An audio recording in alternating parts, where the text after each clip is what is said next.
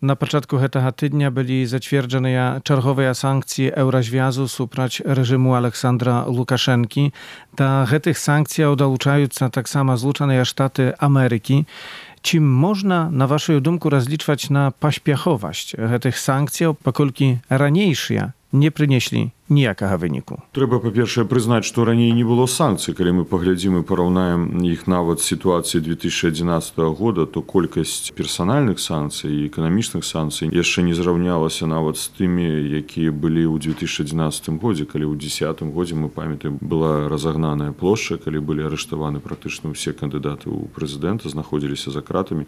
Так што гэта просто спроба нават можа пайсці гэтым варыянтам санкцый які меў месца 10 гадоў таму назад. Зараз мы хутчэй павінны казаць пра сектаральныя санкцыі які павінен быць уведзены ўжо рашэннем кіраўніком дзяржаў членаў еўрапейскага саюза на гэтым тыдні і вось сектаральныя санкцыі сапраўды будуць даволі моцным інструментам уплыву на рэжым мы не ставім у якасці мэту выкарыстання санкцыі гэта інструмент адказнасці інструмент уплыву на нелегітымную ладу. Каб яна па-першае перапыніла рэпрэсію адносінах да беларускага народу. Кожнага дня кожнага дня новыя рашэнні рашэнні суда і новыя людзі ідуць за краты вось справа бабарыкі прокурор попрасіў максімальны тэрмін 15 гадоў і кожнага дня гэта новыя прыклады калі лёс людзей ламаюць калі жыцці людзей ламаюць іх здароўе знішаюць і поўнасцю адсутнічаюць фактычна ўсе правы у беларусі на абарону адваката на тое што прысуд быў законным гэтак далей так што гэтая санкцыя это інструмент каб перапыніць вызваліць усіх палітычных зняволеных прыцягнуць да адказнасці ўсіх тых хто вінаваты ў забойствах у гвалце ў адносінах да беларусаў і прызначыць новыя дэмакратычныя выбары. Але гэта не выключны інструмент гэта разам з іншымі крокамі палітычнай ізаляцыі правовага ціску поўнай міжнароднай ізаляцыі і ўнутранай актыўнасці разнастайным характарам. Калі гэта ўсё разам аб'яднаць вот это будзе акумулюючы эфект і тады мы можемм дасягнуць той мэты якую ставім перед сабой. Ці крыху не наіўна разлічваць на тое што ўсё ж такі санкцыі могуць нешта прынесці? Не згодны з вами яшчэ яшчэ раз паўтараюся што такіх маштабных санкцый якія плануецца прыняць на гэтым тут ніколі не было ў адносінах да рэжыму калі поўнасцю закрыта ўся паветраная прастора беларусі калі будуць сектаральныя санкцыі на пастаўкі калійных угнаненняў беларускай тэхнікі нафтапрадуктаў у амерыку ці еўрапейскі саюз такіх санкцый не было. Але таксама не згодны яшчэ і таму што прыклады санкцыйнага уплыву на рэжым паказвалі што толькі пад ціскам санкцый ён быў вымушаны вызваляць палітычных зняволеных у беларусі. Гэта факт. Это нават па-за дыскусіі. Усе палітычныя зняволены выходзілі толькі пасля таго як выводзіліся даволі дакладныя санкцыі. Зараз мы ставім мэту значна вышэй па-першае маштаб рэпрэсій непараўнальны ён не параўнальны за гісторыю Еўропы апошніх 40-50 гадоў. Колькасць затрыманых 36 тысяч арыштаваных колькасць палітычных зняволеных больш 500 а так сапраўды па палітычных артыкулах гэта больш за тысячу людзей. Крымінальных справаў гэта 3000 крымінальных спраў па палітычных матывах. Дзеячы культуры 650 рэпрэсіяваных прадстаўнікі прэсы 555 асобу гэты спісак можна працягваць і працягваць бо столькі людзей пацярпела і церп церпіць далей ад рэжыму гэта не да параўнання таму і ціск і ўплыў павінен быць большы але зноў такі санкцыі гэта не адзіны інструмент гэта адзін з інструментаў уплыву змену сітуацыі гэтыя ўсе інструменты павінны давесці як гаворыце да прыцягнення да адказнасці тых якія вінаватыя ў палітычным праследзе у катаванні у рэпрэсіях. Ці думаеце што гэта рэальна без змены улады ў беларусі? Зразумела што ёсць патрабаванні народа які заключаюцца па-першае гэта вызваляй вызваляю усіх палітычных. Адказнасць гэта прыцягнуць да адказнасці ўсіх вінаватых у палітычных рэпрэсіях. І выбары. Гэта новыя дэмакратычныя выбары. Гэта тры словы. Вызвалення адказнасць і выбары. Але як іх паставіць у якой чарзе? Гэта конечно пытанне рэальнага жыцця. Зразумела можна казаць пра тое што лукашенко можа сёння зысці і мы самі вызвалім усіх палітычных зняволеных і будуць крымінальныя справы а ці адміністратыўныя справы адказнасці ўжо нармальнымі з судовымі інстытутамі рэалізоўвацца ў беларусі і адбудуцца дэмакратычныя выбары можа пайсці іншым шляхам ён можа вызваліць палітычных зняволеных і зайсці бо пытання іншае уже па-за дыскусіяй настолькі глыбока ён закапаў сабе ў гэтую брудную яму рэпрэсій што выйсці яму з гэтай ямы выпаўсці ўжо не ўдасся гэта нереальна ніколі яму не будуць паціскаць руку уже еўрапейскія лідары ніколі дэмакраты свету не будуць паціскаць руки нават пуціну не вельмі прыемна паціскаць руку. І хто сёння пытаецца это разглядаць у кантэксце што тут Росія і Беларусь аб'яднаныя ў змаганні супраць захаду. Гэта ўсё блеф. Як дыпламат дасведчаны я разумею што Путін выкарыстоўвае гэты момент і таксама прыніжае лукашэнку нават заставляючы яго купацца ў чорным моры пазней дае 500 мільёнаў долараў. Ён двойчы яму кажа на гэтай яхце трэба скупацца а вода то холодная 16 градусаў лукашенко лезе ў чорное море купаецца ў этом чорным море і вяртаецца ў Беларусь крэдытам у 500 мільёнаў даляраў які практычна нічога не вырашае бо даўгі рэкордныя беларусі і іх 18 мільярдаў долараў і большая частка гэта расійская федэрацыя і без больш значных сродкаў яму не вытрымаць гэтай сітуацыі. Так што гэты чалавек які ўжо просто загнаны ў вугал. Пытанне колькі ён будзе супраціўляцца колькі часу ён будзе яшчэ старацца захаваць інструменты ўлады бо рэальнай народнай улады ў яго няма. Народ яго пазбавіў гэтай улады. Што ў такой сітуацыі могуць зрабіць палітычныя эміграцыйныя асяродкі, такія як народнае антыкрызіснае ўпраўленне ці штаб святланы ціханаўскай, якімі інструментамі можаце вы карыстацца, каб паўплываць на тое, што адбываецца ў Беларусі. Гэта можа быць разнастайны вералік інструментаў. Перадусім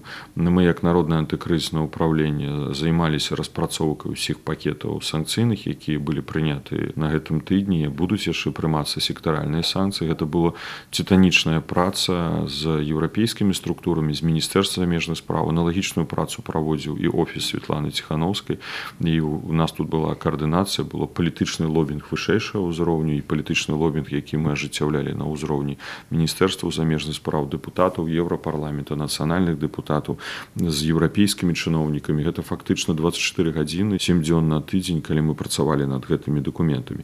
Зразумела што пытанне між міжнароднай ізаляцыі гэта спробы ўручыць паслом францыі даведчыя лісты лукашэнку то што мы змаглі гэта перапыніць.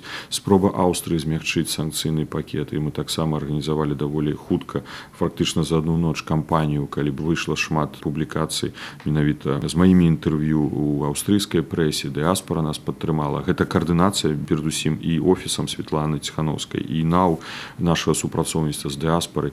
Мы можемм сказаць якасці прыклады пазбаўлення права праводзіць чэмпіонат свету по хоккею ў беларусі чэмпіянат Европы по веласпорту адмова запрасіць прадстаўніка беларусі на конкурс еўрабачання прыпынення ўдзелу нацыянальнай дзяржаўнай тэрадыакампаніі гебельс тв фактычна называюць сёння ў беларусі як органа рэпрэсій у еўрапейскім вяшчальным саюзе гэта все тое што мы можемм і павінны рабіць дадатковы элемент. Мы карэспандаваліся з паслом еўрапейскага саюза ён мне паставіў вось гэтае пытанне якое ставіце вы. Я думаю хутчэй за ўсё большасць ну Пуін будзе плаціць за тое, што страціць сёння рэжым Лукашенко ад санкцый. Пытанне ў тым, як доўга ён будзе плаціць, наколькі ён хоча гэта плаціць, наколькі гэта будзе акцэптавана расійскім грамадствам, да якога моманту ён будзе плаціць. Вось тут ключавы момант. Мы будзем ставіць і мы дабіваемся прызнання рэжыму Лукашэнкі тэрарыстычным злачынным рэжымам у адпаведнасці з міжнародным правам.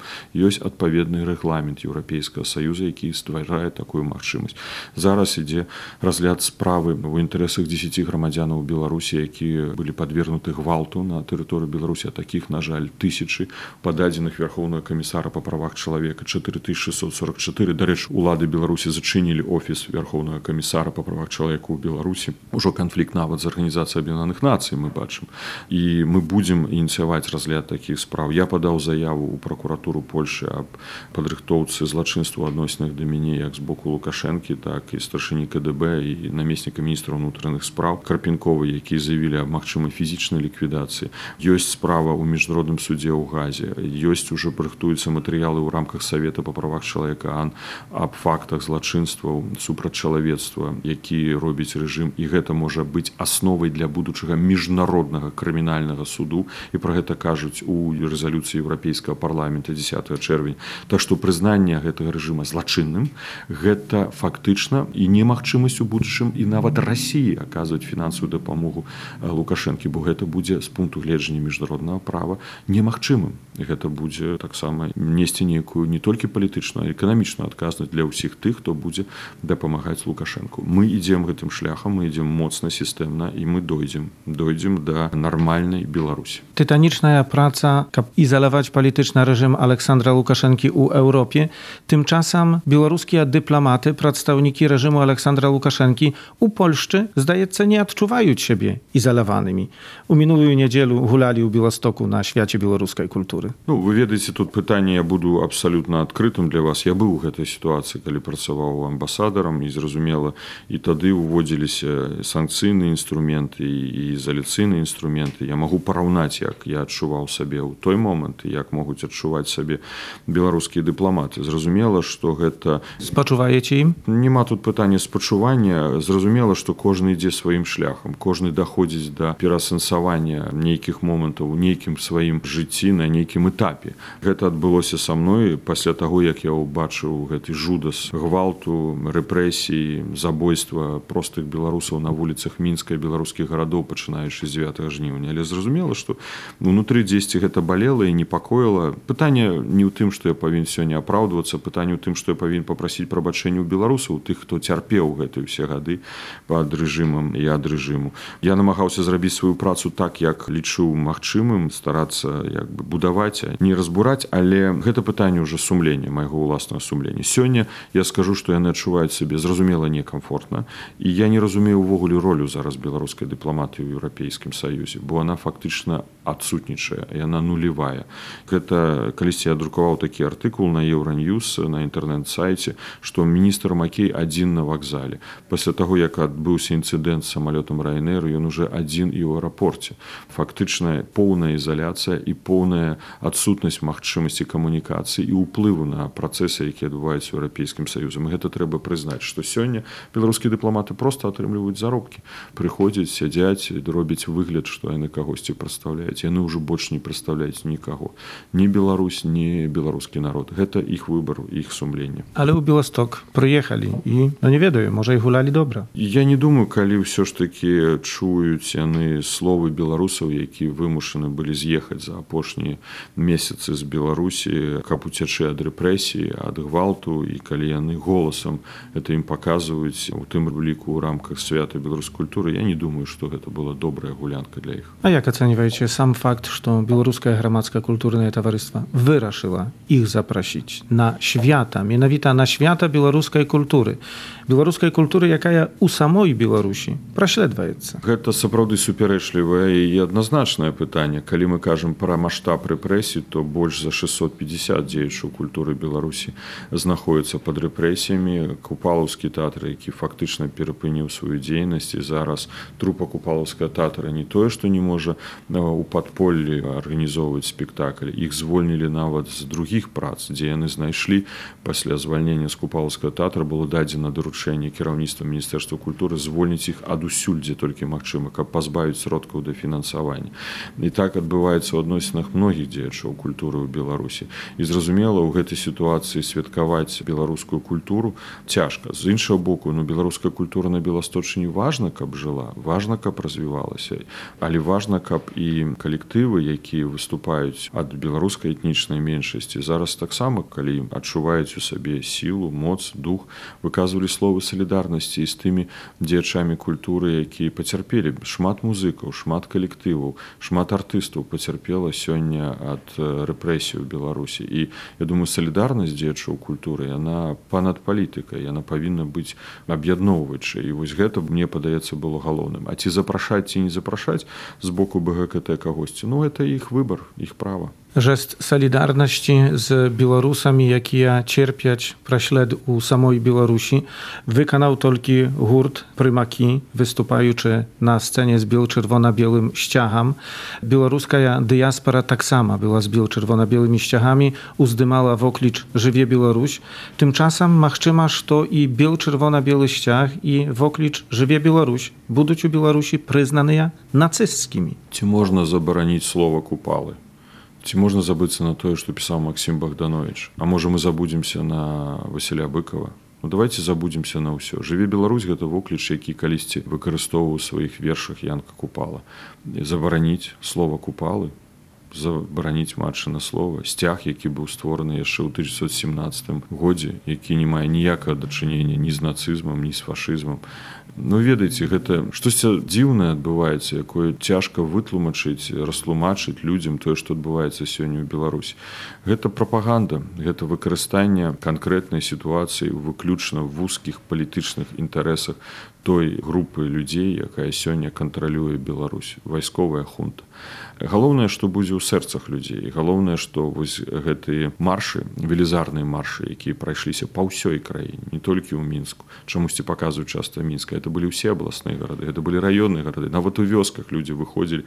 Дарэчы працягваюць выходзіць як партызаны з белшывана белай сімволікай. Гэта ўсё ў іх засталося ў сэрцах. І гэта ні з душы ні з сэрца не забраць. Дзякую вам за размову. Дзякую вам